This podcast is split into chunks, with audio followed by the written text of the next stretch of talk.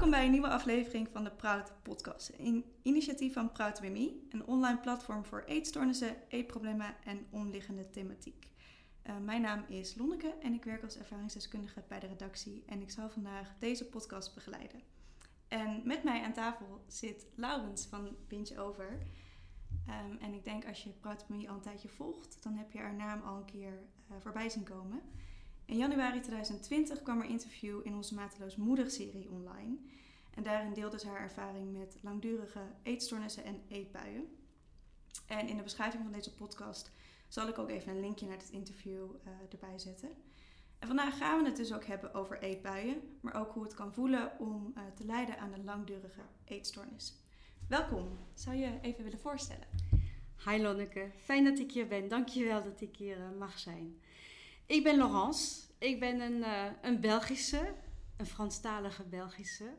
Ik ben 53, moeder van uh, twee kinderen. Een dochter van 25 en een zoon van 12. Ik ben getrouwd, ik woon in Den Haag. En um, ik ben naar Nederland gekomen vanwege de liefde. Heel lang geleden, zo'n uh, ja, 32 jaar geleden. Dus inmiddels heb ik meer tijd gespendeerd in Nederland dan in België. En ik vind dit land gewoon geweldig. Dus ik, uh, ja, ik ben hier ook gebleven. Wat leuk. Nou, fijn dat je er bent. Uh, ik ben heel erg benieuwd. Um, jij hebt dus zelf ook een eetstoornis gehad. Zou je daar iets over kunnen vertellen? Ja, dat klopt. Ik heb een uh, eetbuisstoornis gehad. Dus binge eating disorder, BED. Mm -hmm. En eigenlijk lange tijd had ik helemaal geen idee dat ik een eetstoornis had. Ik dacht alleen van ja, uh, je bent de enige die niet uh, haar dieet kan volhouden. Ach. En uh, die gaat alleen maar jojoen en die heeft een moeilijke relatie met eten. Ja, wie niet? Zoveel vrouwen hoor je dat ze zich niet aan een dieet kunnen houden. En mm -hmm. dan denk je van ja, blijkbaar, ja, het is normaal. En aan de andere kant verwijt het je jezelf ook dat je dat niet kan doen, want je hebt het idee dat anderen daarin beter zijn. Ja, dus je vergelijkt jezelf misschien ook heel erg met anderen daarin. Ja, absoluut, continu. Ja. En uh, ja, ook continu bezig met uh, eten. Wat zal ik eten? Wat zal ik niet eten? Wat mag ik eten? Wat uh, had ik niet mogen eten? Ja. en aankomen, afvallen, jojoen, echt extreem. Hè? Dus niet, niet één of twee kilo's, maar echt in tientallen kilo's.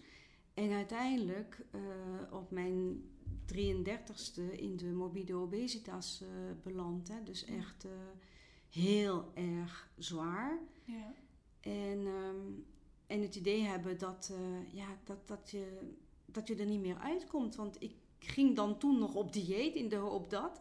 Maar ik, ik had bijna niks en ik viel gewoon geen gram af. Dus misschien ook dat het dan heel uitzichtloos misschien voelt op zo'n moment.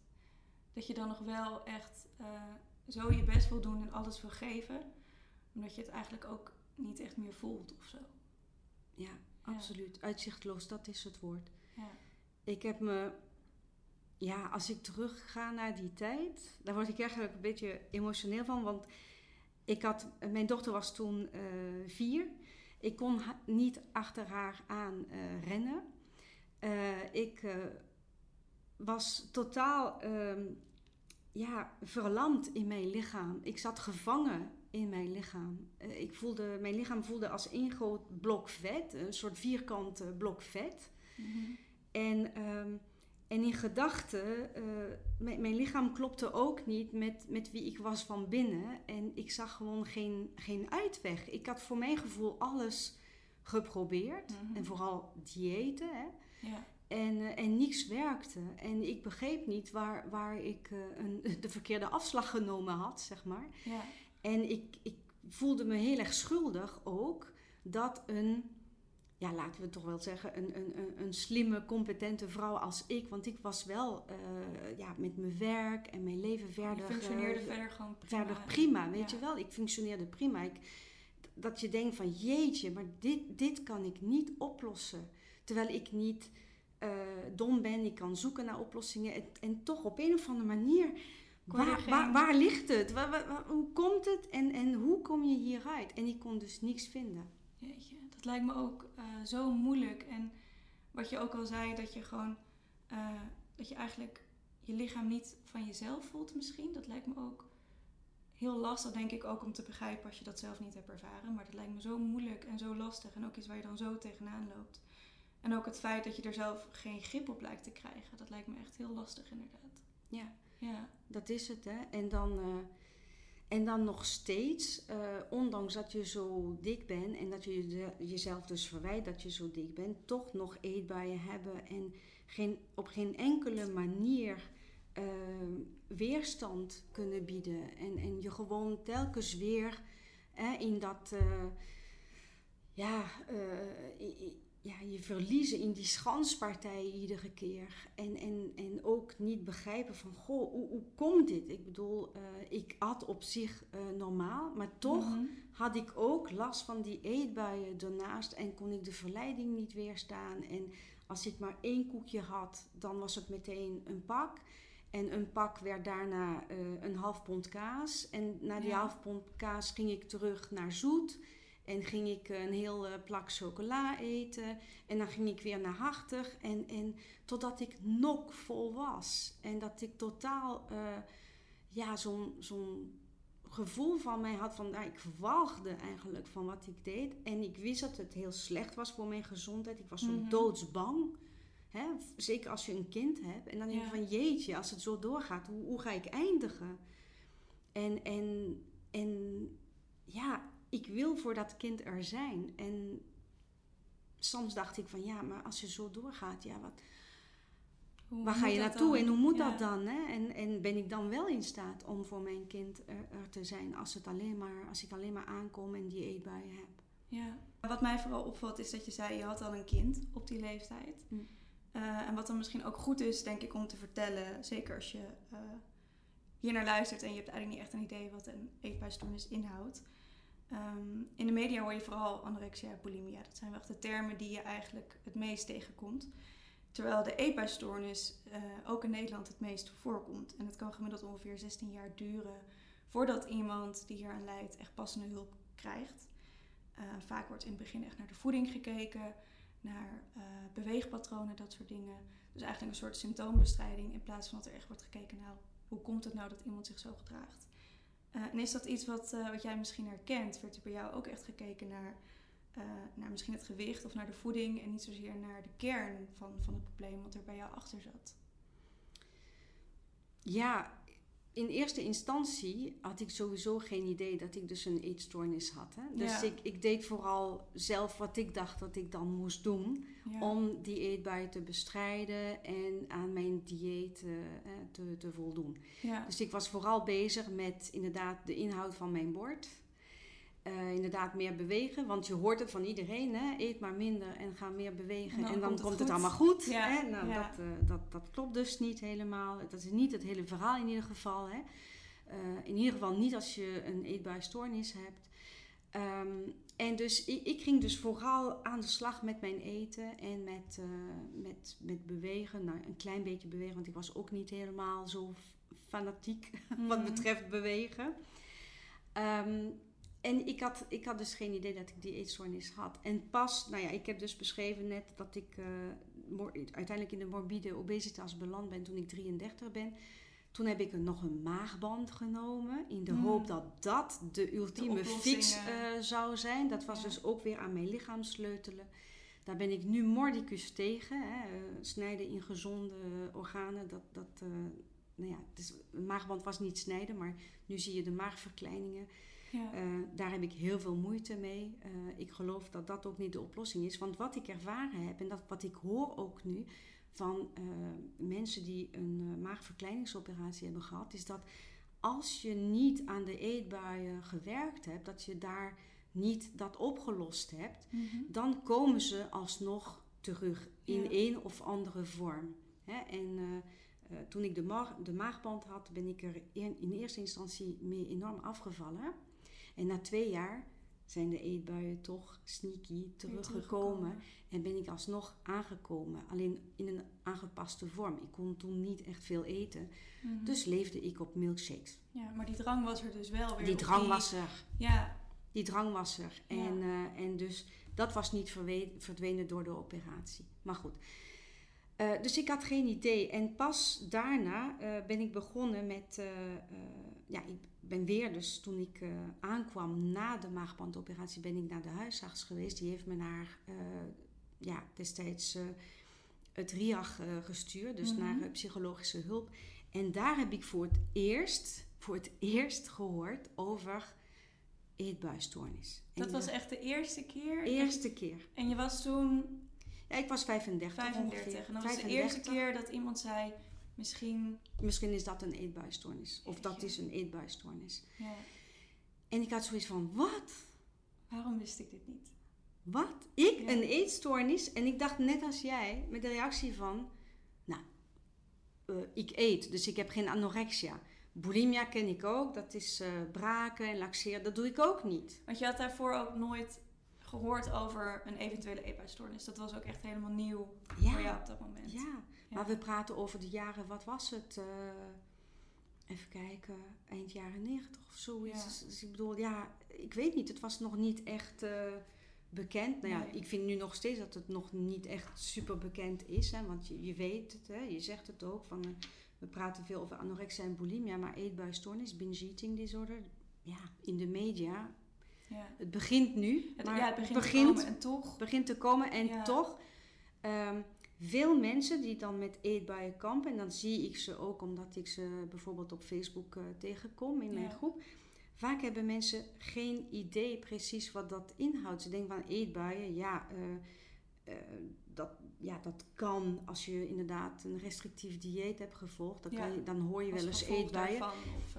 Maar dat associëren ze niet per se met een eetstoornis. En ik zeg altijd, hè, als je echt uh, een relatief grote hoeveelheid eet binnen een betrekkelijke korte tijd, hè, twee uur ongeveer uh, eet, dat je dat regelmatig doet. Laten we zeggen drie maanden lang, hè, één of twee keer mhm. per week of vaker en dat je daarbij het gevoel hebt dat je de controle kwijtraakt. Dat je eigenlijk niet kan stoppen met eten. Of dat je uh, echt van alles eet, van zoet naar hartig en terug enzovoort. Ja. Let op. Dat kan het begin zijn van een eetbuisstoornis. En zoek dan hulp. Want je wil niet dat het dan uh, te ver gaat, dat het gaat escaleren. en dan ben je, verder van huis. je wil er gewoon redelijk vroeg bij zijn. Ja, ja tuurlijk. Ja, ja, ja.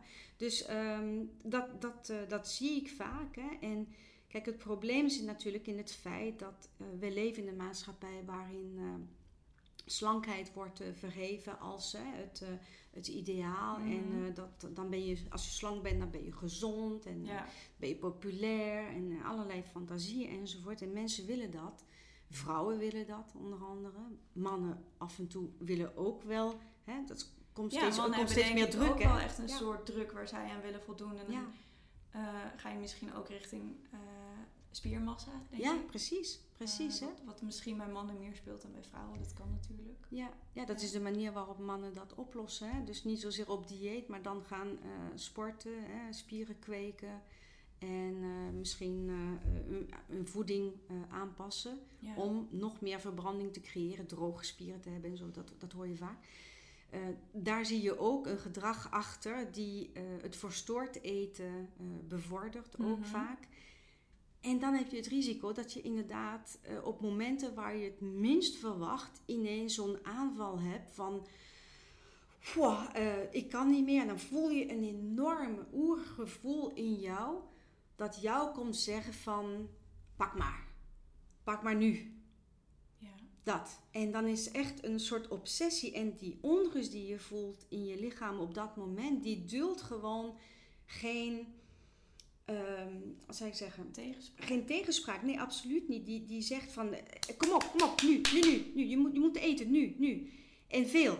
Hm. En, en, en, en, ja, en, en dan word je zo gek van die onrust in jou. Dat je er alleen maar aan kan toegeven misschien. Precies, dat je denkt van, nou, als ik eraan toegeef, dan gaat hij hopelijk weg. Dus je gaat niet eten omdat dit, zus en zo, of uh, moe, of wat dan, of druk, of wat dan ook. Nee, je gaat eten om dat gevoel te weg te krijgen. Ja. Want het, het maakt je helemaal gek. Je, je gaat ijsberen, je, gaat, je, je voelt iets in jou. En dat is logisch. Want uiteindelijk, uh, mijn reis is dat ik pas veel later, dus toen ik 50 uh, eh, werd, heb ik ontdekt dat het ligt aan je brein. Dit, dit signaal, mm wat ik noemde eetdrang, ja. hè, komt uit een deel van je brein dat bang is hoe gek het ook klinkt, dat je in hongersnood raakt. Dat, dat, dat, je, dat je eigenlijk uh, in een soort schaarste of tekort uh, komt. En die denkt, ik moet jou beschermen, dus nu is de tijd om te eten, te eten. En, en veel ook. En calorierijk ook. Want we pakken alles, hè, we gaan voor het hoogst haalbaar. En dan denk je van, hè? Hoe kan dit nou? En eigenlijk de eetdrang, die wordt langzaam gebouwd in je brein doordat je heel erg vaak in de restrictie bent geweest al die jaren, door dat diëten. Je hebt eigenlijk je brein geprogrammeerd om in termen van schaarste te denken. En dus wanneer er eindelijk een mogelijkheid is dat je een beetje ja, uh, zwakker bent of minder, uh, dat het minder lekker gaat of zo, mhm. dan denkt je brein van, ha, dit is het moment. Ja. Eten is de oplossing, dus ga maar. En dan stuurt hij jou echt een heel krachtig signaal. En dat is dan de eetdrang.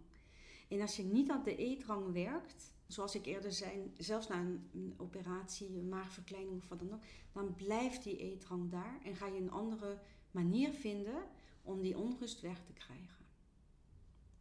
Dus dan wordt eigenlijk de uiting daarvan, dus de eetbuien die je eerst had, dat verschuift zich eigenlijk. Ja. Maar de wat erachter zit, die onrust, die blijft hetzelfde. Die blijft hetzelfde. Die blijft hetzelfde. Want dat is een programma dat ooit gebouwd is in je brein om je te beschermen. Omdat je ja, je een beschermingsmechanisme. Ja, mechanisme, ja, een overlevingsmechanisme. Omdat je te weinig gegeten hebt en je hebt je honger genegeerd. Mhm. En je brein denkt van, oh, je negeert je honger, maar er moet en zal gegeten worden. Dus ik ga een krachtiger signaal naar jou toesturen. En dat is dan de eetrang. En ooit heb je tegen de eetrang gezegd van... Ja, oké, okay, ik ga eten. Je hebt, ervoor, uh, je, je hebt uh, ervoor gezwicht. En dus denkt je brein van... Ah, dit is een winnende strategie. Dat is, dat is de truc. Ja. Ja, want je honger, daar luister je niet naar. Maar hier wel. Dus dit moet ik in mijn archiefkast houden.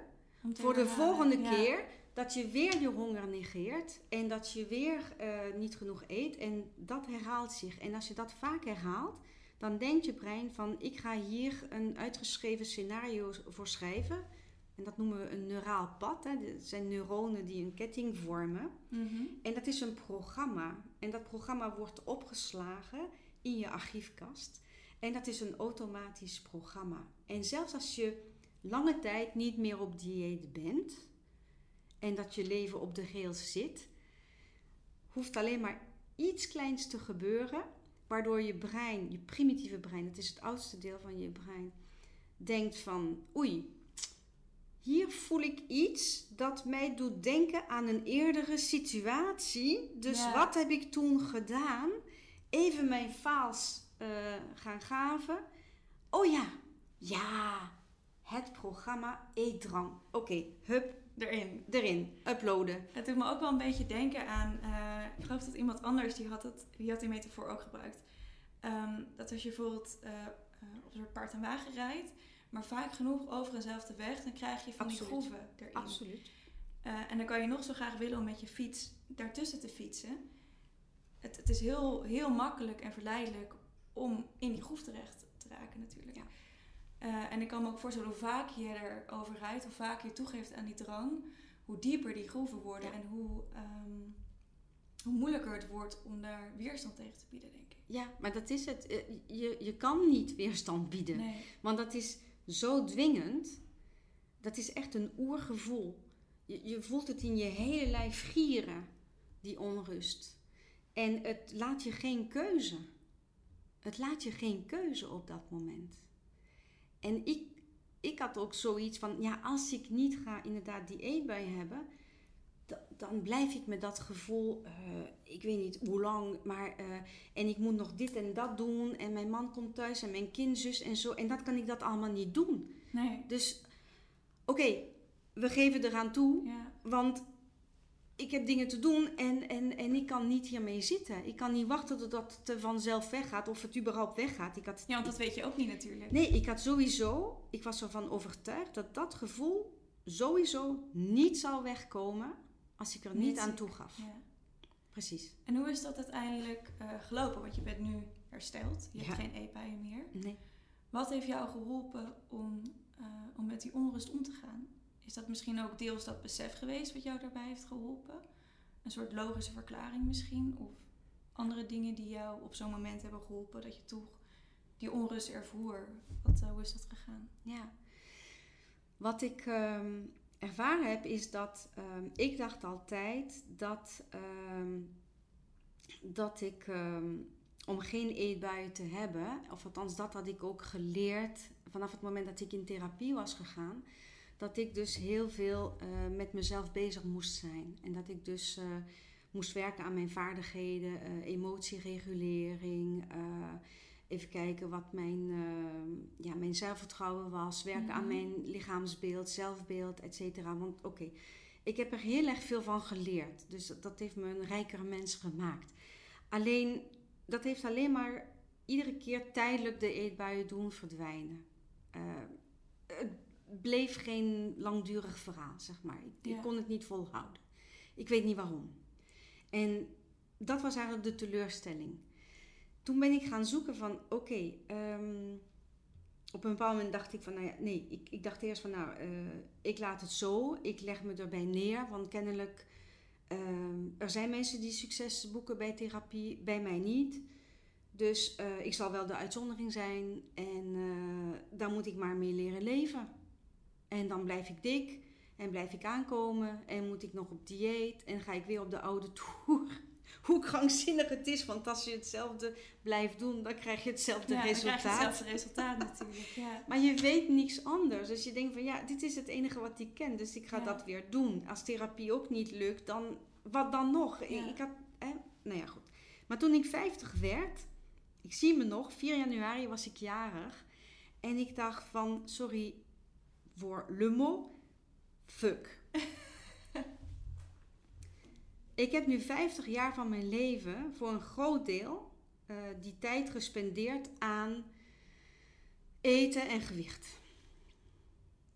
Wil ik de komende 50 jaar op dezelfde manier leven? Wil ik dat dat mijn hele leven beheerst? Dat ik me daarmee uh, bezighoud, terwijl mhm. Volgens mij het leven veel meer inhoudt dan dat. En dat veel meer dingen voor mij in het leven toedoen dan dat. En als ik dat wil, wat ben ik dan bereid te doen? En wat heb ik te doen ook? Hè? En ik dacht, ik nam me voor, ik was echt 100% gecommitteerd.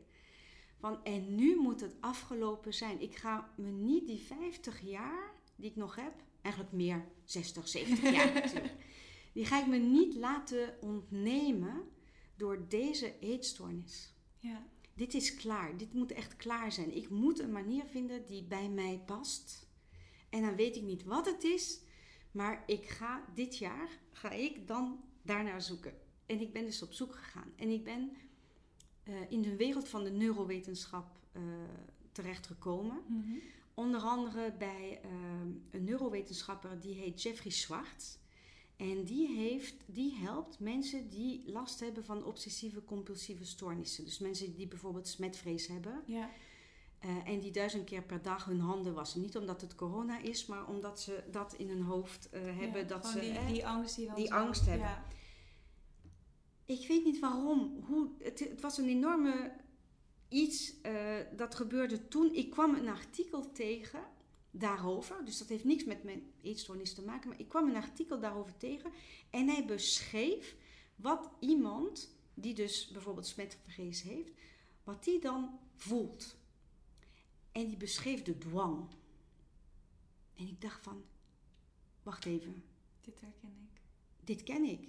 dit is dezelfde dwang die ik voel als ik dan hè, ja, die, drang heb om te eten, om die eetbui te hebben. Dat is precies hetzelfde. Hij beschreef die woorden die hij gebruikte. Ik, ik zou het nooit vergeten. Ik dacht van, maar dit is het. Maar betekent dat dat ik een obsessief-compulsieve stoornis heb? Of, of hoe ziet dat dan?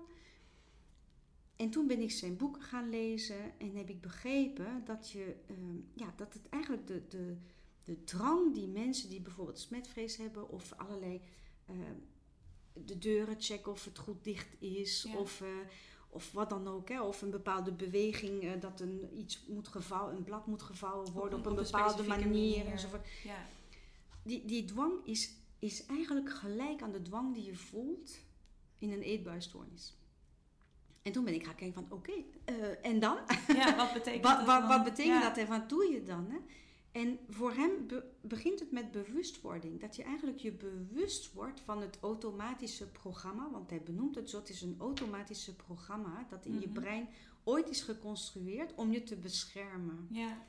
En ik, vind, ik vind dat idee trouwens, dat, uh, dat je zelf in staat bent om jezelf op die manier te beschermen, ook al is het heel destructief, vind ik op een manier ook wel een heel mooi gegeven eigenlijk. Ja. Dat, uh, ook al voelt het misschien niet zo op dat moment, je er zelf wel alles aan probeert te doen om het haalbaar te maken voor jezelf ja. of zo. Ja, precies hè. En ik zeg ook vaak tegen mijn klanten, uh, en dat was ook voor mij heel belangrijk, ik voelde me dan vanaf dat moment niet zozeer ziek. Mm want wat hij zei is, je bent niet ziek, je hebt alleen een bug in je hoofd. Je, je, je brein heeft een bug. Het is een programma dat je ooit gediend heeft, dat je ooit beschermd heeft. En nu is het een beetje doorgedraaid. Ja. En het is niet omdat je computer een bug hebt, dat je meteen het hele computer door het raam uh, gooit. Dus je gaat ook niet je hele brein door het raam gooien. Nee. je gaat die bug fixen. En ik dacht van, oh, maar misschien kan ik die bug ook fixen. En dat ik, dat, dat ik dan uh, niet hoef allerlei andere dingen te doen. Want ik had heel veel werk gedaan aan zelfbeeld, lichaamsbeeld, zelfvertrouwen, eigenwaarde en alles. En, en, en trauma's die ik niet had in het verleden of wat dan ook. Um, maar misschien als ik die bug fix, dan, dan misschien kan ik dan uh, mijn probleem oplossen. En dat bleek ook zo te zijn. Dus um, bewustwording was de eerste stap. Mhm. De tweede stap was dat je je zou ontkoppelen van de bug. Ik ben mijn bug niet. Dat je jezelf niet identificeert met... Met de bug, zeg maar. En dat je ook zegt tegen je brein van A-brein, want dat is het, deel, het primitieve brein, hè, het oude gedeelte van, oudste gedeelte van je brein. Dat je zegt tegen je brein van A-brein, ik hoor je. Lief van je dat je wil mij beschermen. Ja. En toch ga ik een andere keuze maken. Want dat programma heb ik niet meer nodig. Ja. En hoe minder, um, wat zou ik zeggen, hoe minder aandacht je dan geeft aan het automatische programma. En dat is een kwestie van laten zijn. Mhm. Je laat het programma zijn. Je zegt van, je verwelkomt het. Kom maar, kom maar. Oké, ik hoor je, ik zie je. Ah, ik voel die onrust. Oké, prima. En dan zeg je tegen het programma, pak een krukje. Ga daar zitten. En ik ga gewoon blijven mijn ding doen. En jij kan blijven doorratelen en, enzovoort. Tot je klaar bent. Totdat je klaar bent. En dan, ik geef je de mogelijkheid om vanzelf te vertrekken. Ja. Dus je laat het zijn. Je ontkoppel jezelf ervan. Ik ben mijn buk niet. Maar die mag er zijn. En meer hoef je niet te doen. Dus vaak gaan mensen, en dat was de fout die ik maakte, die gaan vechten. Ja, die gaan er tegenin natuurlijk. Die gaan in gesprekken mee. Die gaan het overanalyseren. Die gaan uh, weerstand bieden of die gaan ervoor vluchten. En het probleem is dan dat je brein denkt als je dat doet van ah, dat programma, dat doet wat met jou. Dus dan kan ik hem niet weggooien. Ik weet niet waarom, maar het ontroert me eigenlijk ook heel erg. Ehm, en misschien ook dat stukje, hoe jij dat vertelt, daar zit ook heel veel liefde in, voel ik. Er zit ehm, ja, het, het feit dat je dat kunt accepteren en dat je beslist, ik hoor je, ik voel je, ik voel wat het met me doet, maar ik ga iets anders doen. Dat vind ik eigenlijk heel mooi. Ik, ik kan niet zo goed beschrijven wat het is, ehm, maar dat lijkt me ook heel moeilijk om dat te doen. En ik denk dat dat getuigt ook van heel veel kracht die dan vanuit jou komt op dat moment om dat dan te zeggen en te doen. Ja, ja. En wat ik doe is, um, wat ik dus help, want ik, ik coach inmiddels, ik help hè, uh, mensen met eetbuisstoornis, is het klinkt simpel wat ik nu vertel. En niks doen is juist het moeilijkste. Ja, dat denk ik ook. Maar dat is te trainen. Ja. Dat is te trainen. En dat is dus wat ik doe met mijn coaches. Ik train ze zodat ze inderdaad um, dat programma net als een radio op afstand kunnen horen ja. en er niks mee doen. En weten dat dat programma komt vanuit een plek in jezelf dat het beste met je heeft. Ja. In feite. Want ja, dat, vind ik echt een heel mooi uh, idee, inderdaad. Als je het zo kunt uh, bekijken. Uh, ik kan me voorstellen dat het op een manier ook. Um, dat je het dan anders kan ervaren, misschien. Ja. Denk ik. Ja, ja. En vanaf dat moment. Uh, de eetrang is gewoon bij mij minder, op bezoek, minder vaak op bezoek gekomen. Ja. En de eerste keer dat de eetrang. Uh, nou ja, nee, ik moet eerst even iets zeggen. de eerste keer dat ik het getest heb, deze methode, uh, dan was ik bij de kapper. Oh jee. En er was, uh, ik had mijn haar in de verf gezet. Hè, en dan weet je wel. Nou ja, nee, je weet het niet, want je laat je haar niet verven. Nou ja, toevallig afgelopen week. Toch wel? ja, zeker. Ik herken het gevoel. Maar goed, je, je hebt nog geen grijs haar, bedoel ik. Um, en. Um, dan moet je aan, aan een, uh, ja, even apart aan een tafel wachten dat de verf intrekt. Hè? Ja, ja, ja. En bij mijn kapper, het is een hele gezellige kapper in Rijswijk, die heeft altijd een hele grote schaal met koekjes. Ja. en um, daar waren mijn favorieten daar. Ook dat nog. De scholiertjes. Die ik trouwens nu niet meer lekker vind. Dat is heel bizar. dus mijn smaak is ook heel erg veranderd nadat ik de eetstoornis uh, verlaten heb. Maar goed, dus hè, daar begon het scenario in mijn hoofd. Hè? Ik begon te kijken van, oké, wie zit nog meer aan tafel? Kijkt die? Kijkt die niet? Nee. Zal ik eentje pakken? Welke dan? Misschien zelfs een tweede? Hmm, misschien zelfs een derde. Ha, oké, hoe pak ik dit slim af? Ja. En dan meteen die andere stem van, ja, hallo, kom op, uh, niet doen. Uh, wat denk je nou? Uh, hè, ben je nog niet dik genoeg en uh, wil je nog extra kilo's daartoe voegen, et cetera. Dus eigenlijk die, die strijd, hè, continu, dat heb ik heel mijn leven gehad, die strijd. Wel eens, niet eens, wel pakken, niet pakken, continu. En ik dacht van, oh wacht even, oké, oh, oh, wat, uh, wat had ik ook nog gelezen? Wat, was, wat moest ik doen? Wat was het ook wat alweer? Oké, eerst bewust worden. Nou, oké, nou, ik ben er me van bewust. ja, ik merk die strijd. Ja, oké, daar ben ik. En dan, wat moest ik doen? Oh, ja, wacht even. Uh, me ontkoppelen daarvan. Uh, dus ik ben die strijd niet. Ik, ik ben dat niet. kijk er naar als een toeschouwer in feite en, en laat dat. Observeer gewoon. Hè? Mm -hmm. En zeg tegen jezelf van. Wat is mijn keuze op dit moment? Wat, wat wil ik voor mezelf? Wat wens ik voor mezelf? Wie ben ik? Ja. En wat wil ik voor mezelf? En dan, oké, en wat moest ik ook nog doen? Oh ja, laten zijn. Oké, laten zijn. En ik dacht van, ah, hoe doe je dat? Oké, en ik blijf maar als een soort, uh, ja, in een hypnose kijken naar die koekjes. ik weet het nog. Het duurde ellendig lang. En... Uh, op een of andere manier, ik weet niet hoe, maar het werd langzamerhand minder. En toen de kapster mij weer kwam terughalen om verder te gaan en afwassen en zo, de, de wassen, de weg, eh, wegdoen en zo, ja. dan was het gevoel van onrust verdwenen. En toen dacht ik van, wat in godsnaam is hier gebeurd? Ja. Dat was de eerste keer echt in mijn leven, want ik heb uh, eigenlijk ik heb eetbuien gehad sinds dat ik uh, tienermeisje ben en dat ik op dieet ben geweest. Um, voor mezelf dan. Um, had ik dat nooit ervaren. Ik dacht altijd dat er geen einde aan zou zijn. Maar er was dus een einde. Er was een achterkant. En die kon daar ook komen. En dat was voor mij ja, een hele grote ontdekking. En dat voelde daarna heel raar. Want het was weg. En normaliter, als ik alleen maar een paar koekjes had genomen, één of twee, dan was ik waarschijnlijk naar de supermarkt daarna uh, geweest, naar de kapper. En dan was het een trigger geweest om meer te nemen en om echt weer zo'n solo festijn te hebben in de auto voordat ik naar huis kwam, want ik deed natuurlijk alles stiekem. Ja. En dat is niet gebeurd. En toen dacht ik van oké, maar dit was, uh, hoe zeg je dat? Uh, dat was puur geluk dat, dat, uh, dus dat, dat het gebeurt één keer. Dus maar dat durfde je het ook niet soort van te omarmen. Je durfde eigenlijk niet te geloven. Nee, niet meteen, nee. Nee, want ik, ik had al zoiets van, nou, ik weet niet of die methode gaat werken voor mij. Want dit is voor mensen met een compulsieve, ehm, obsessieve stoornis. Dat, dat heb ik niet. Dus voor mij, ja, ik weet niet of dat gaat werken. En de eerste keer, dat denk je van, dat het is ehm, gewoon iemand die... Toevalstreffer. Toevalstreffer, inderdaad. Maar door de week heb ik nog een aantal keer eetdrang gehad. En iedere keer heb ik hetzelfde gedaan. En soms is het gelukt, soms is het niet gelukt. Mhm. En toen dacht ik van, nou ja, oké. ik blijf het doen en kijken wat het wordt. En na, uh, na eigenlijk iets van...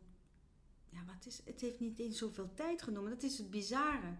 Dat het echt binnen anderhalf, twee maanden... dat, dat, dat de eetrang bijna niet meer kwam. En dat, dat was... Ik dacht van... Dus moet dat onwerkelijk voelen ook, denk ik. Compleet. Ja. Compleet.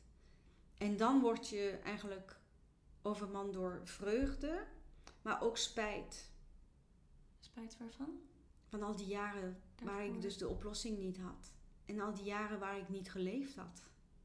Maar is dat dan ook, ehm, zit er ook een soort oordeel in naar jezelf? Of is dat meer, had ik, had ik, maar, had ik het maar eerder? Of ik heb het losgelaten. Ja.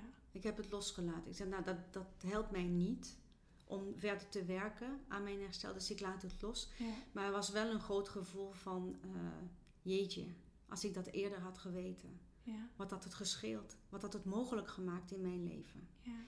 En, uh, en vanaf het moment dat ik zeker wist dat dit het was en dat ik me zag herstellen en dat alles terugkwam, mijn leven kwam terug ik kreeg weer interesse voor allerlei dingen. En ik had zoiets van, nou, dit moeten meer mensen weten. Dus ik ga het delen en ik, ik ga erover praten en, en ik ga iets mee doen, want dit is ongelooflijk. Ja. Ehm, toen dacht ik van, ja, dat, uh, toen voelde ik mij meer in leven dan al, al, die, al die jaren daarvoor. Ik dacht van, dit is het leven. En daarvoor was het, ik weet niet wat het was, maar dat was alles behalve leven. Overleven misschien wel. Waarschijnlijk, ja. Ja, ja. ja. Dus dat, dat, was, dat was bizar. Dat was heel bizar, inderdaad, wat je zegt. En het werkte werkelijkheid. En nu zie ik, uh, nou in het begin dacht ik van, nou, geldt het alleen maar voor mij? Of kan ik ook andere mensen meehelpen? En dat bleek te werken ook. En toen dacht ik van, wauw, dat werkt ook voor anderen. How cool is that? Hè? Dus dat is ja, en dan denk ik van, oh, wauw. Ja, dan heb ik een verantwoordelijkheid om dat ook verder te ja, want voelt dat kenbaar ook echt te zo? maken. Voelt ja. dat voor jou ook echt zo? Ja. Nou, verantwoordelijkheid. Verantwoordelijkheid voor mij is een positief woord. Het is gewoon echt uh, vrij zijn en anderen naar je toe trekken. Naar die vrijheid ook toe trekken. En dat wil ik eigenlijk uh, ja, het allerliefst. Wat mooi. Ja, want ja. Eh, we hadden het erover eerder, voordat we begonnen met deze podcast. Mm Je stelde me een vraag en zei ja, ik vind dat al zou ik nog 99 jaar oud zijn, ik zou willen als ik een eetstoornis had, een eetbuisstoornis had, dat iemand tegen mij zei van ja, kom op, ik ga je daaruit bevrijden. En als je nog maar één jaar of, of twee jaar of tien jaar te leven hebt, die jaren tenminste zijn een cadeau. Ja. Dus geef nooit op. Mooi wat je zei inderdaad. het ging erover dat uh, we waren voor de podcast even aan het praten. En ik heb een vraag wat ik ehm, opgeschreven. Die had ik ook meegestuurd naar haar. Ehm, en dat was de vraag: uh, Ben je ooit te oud om voor herstel te kiezen? En het antwoord is keihard: nee. Ja. nee, nee, je bent nooit te oud. Nooit. En de meeste van mijn klanten zijn vrouwen die ook allerlei dingen geprobeerd hebben. En niets heeft echt tot blijvend resultaat. Een soort gelijk ehm, pad eigenlijk als waar jij... Uh, precies, ja. En die zijn dan boven de 35 tot, tot 65 op dit moment. Dus, uh, en ja, de ervaring die ze hebben is dan van, wauw, weet je, al ben ik 65, ik ben je zo dankbaar, want nu kan ik, de jaren die nog komen zijn alleen maar vreugdevol. En, en, er is weer vooruitzicht en er is weer, ja. Weet je, want ze hadden eigenlijk de, de hoop opgegeven. Eigenlijk stond ik ook op het punt om dat te doen, totdat ik 50 werd en besloot van, nee, wacht even, nee, zo, zo, gaan we het niet doen. Dat was het echt omslagpunt. Maar ik had me er bijna erbij neergelegd. Van, dit is het, er is niks anders. Dus probeer niks meer, doe niks meer. er is, gewoon niks, dus dit is het. En ik, voor wie luistert, mijn boodschap is, geef nooit op. Geef nooit op. Zoek de oplossing die bij je past. En ik zeg niet dat dit is wat ik doe of, of de methode die ik gebruik. Ik voeg alleen een optie toe ja. op wat bestaat. Blijf zoeken naar wat bij jou past. En als het uh, therapie is, of hypnose, of uh, mindfulness, of uh, wat dan ook. Of wat ik doe, vooral brein herprogrammeren op Mhm. basis van die methode. Doe dat. Gun het jezelf. Gun jezelf leven in plaats van overleven. Ik vond het heel erg mooi wat je zei. Dat is het. hè. Gun jezelf het leven. Voluit leven. Ja, mooi. Ja, Ik denk gezien de tijd dat we het ook hierbij kunnen laten. ja. eh, of gaan laten. Want er is nog zoveel wat ik je eigenlijk zou willen vragen. Er zijn zoveel dingen waar- waarvan ik denk dat je hele mooie dingen op gaat zeggen. Eh, maar gezien de tijd eh, houden we het hierbij. Begrijp ik. Ehm, wil je verder nog, eh, nog iets meegeven of iets vertellen nog? Of waar je zegt, dit wil ik echt nog even kwijt. Ehm, wat ik kwijt wil is, als je nu nog op dieet bent of in de restrictieve mindset, ehm, stop ermee. Want dat is eigenlijk de bron van alle ellende. En ga op zoek naar een manier, anders dan het diëten. En ik weet tegenwoordig hebben ook eh, eh, oude dieetbedrijven allemaal leuke namen om te zeggen dat het geen dieet is, maar dat is toch een dieet. Ja, Ehm, Ga die kant niet op en zoek iets vooral dat, eh, dat jou helpt. En het kan zijn dat je inderdaad een stuk psychologische hulp nodig hebt of een stuk brein herprogrammeren. Eh, dus aan het werk gaan met je overtuigingen rondom eten, gewicht, eh, lichaam of jezelf. Wat je kan en niet kan, of althans wat je denkt dat je niet kan of dat je wel kan. Mhm. Ehm, zoek wat bij je past, maar ga, ga dus niet op dieet alsjeblieft. En als je een eetbuisstoornis hebt, eh, nou ja, ik heb een groep op Facebook. Dat zijn dan de, de Braves, heten ze, de Binge Over Braves. Je bent daar welkom. Ik deel daar mijn, mijn kennis, eh, stuk, een stuk motivatie ook voor degenen die in de groep eh, komen. Eh, en lotgenoten praten met elkaar ook over de eetbuisstoornis. Dus als je denkt van nou, wat je zegt, ik herken het een beetje, want ik heb inderdaad momenten waar ik uit de bocht vlieg eh, hè, na een dieet of een periode van restrictie. En ik verlies controle en ik doe heel veel stiekem. Ik eet stiekem en ik lieg over wat ik doe, zoals ik bijvoorbeeld deed hè, langs de McDonald's even eh, voordat ik naar huis kwam, zodat mijn man niks zou zien of Ja, wat dan dat ook. zijn ook echt wel flinke signalen. hè? Ach, Ja. zo. Hè? Of als je heel erg veel geld kwijt bent ook aan je eetbuien. Want eetbuien kunnen ook in de papieren lopen. Zeker. En dat je ook waagt van jezelf. En eh, dat je zelfvertrouwen daardoor keldert enzovoort. Hè? Ehm, dat zijn signalen dat je mogelijk een, een eetbuisstoornis hebt. Dus trek aan de bel. Mhm. eh, bij wie dan ook. Ja. Huisarts, eh, psycholoog, eh, GGZ. Of bij een coach zoals ik. Nou ja, coach is, coaching is anders dan therapie. Coaching is activeren. Dus dat is echt voor mensen die een schop onder de kont willen. En patsboom aan de slag willen gaan. En, en ja, ik deel ze liefdevol uit hoor. Ja. Dat, dat, Ja, dat nee, wil dat ik wel. geloof ik echt 100% helemaal. Maar zoek hulp, alsjeblieft, zoek Ja. hulp. Zoek hulp, want je wil niet jarenlang daarin zitten. Want straks, net als ik, heb je dan spijt. En kijk je terug naar je leven en denk je van, jeetje, wat had dit ritje mooier kunnen zijn? Hoeveel mooier had dit ritje kunnen zijn? Ja. En, en, en dat wil je niet. Jij wil leven. Niet overleven nogmaals. Je wil, je wil echt genieten van het leven. Genieten van alles wat voor jou belangrijk is. En ik wed dat op je sterfbed dat je niet denkt van had ik maar, was ik maar 10 kilo lichter geworden dan. Hè, maar het gaat over belangrijkere dingen dan dat. Ja. Waarschijnlijk je, je gezin. Misschien dingen die je ziel eh, opwarmen, verwarmen. Ehm, je, ja, eh, alles. Verbinding met de natuur misschien. Of aan iets werken waar je heel veel passie voor hebt. Meer aandacht voor wie of wat dan ook. Mhm. Daar gaat het om. Daar gaat het leven om. Ja. En laat die fucking eetstoornis, eetbuisstoornis, dat niet allemaal verpesten. Mooi. Ja. Dus dat. Mocht je eh, jezelf herkennen in het verhaal, ehm, weet dat je inderdaad bij haar terecht kan. Uh, en verder hebben wij natuurlijk ook 24-7 het forum uh, tot je beschikking. Dat is www.proudtobeme. En dat schrijf je met een tweetje en een beetje. uh, en verder ben je ook welkom in de chats elke avond. en ook op onze website kun je zoeken op binge eating disorder, langdurige eetstoornis EPI. En daar vind je ook blogs over dit onderwerp. Dan denk ik dat ik hem hier ga afsluiten. Ik wil je heel erg bedanken voor het luisteren. Ik hoop dat je er eh, veel uit mee kunt nemen. En ik wil jou ook heel erg bedanken dat je mijn gast was vandaag. Daar uh, ben ik heel blij om. Heel erg bedankt. Dank je Lonneke. Het was echt een, uh, een eer.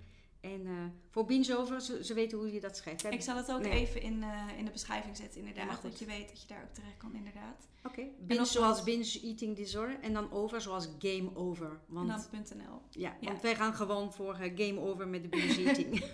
en als je jouw interview nog wil lezen, ik zal het ook even in de beschrijving zetten. Maar als je inderdaad op EPA zoekt of op jouw naam, Lawrence Lawrence? Laurence. Laurence. Op zijn Frans. ben ik niet over. Ben je ook geen enkel probleem. dan, kom je er, uh, dan kom je er waarschijnlijk ook vanzelf. Uh, In de Mateloos, Mateloos Moedig serie. Uh, dus lees die ook vooral. En dan heel erg bedankt voor het luisteren. En de volgende podcast die komt op 7 september 2021 online. Dus hou dat vooral in de gaten. En in de tussentijd, wees vooral welkom op Praat met Me en bij Pinch Over. Dankjewel.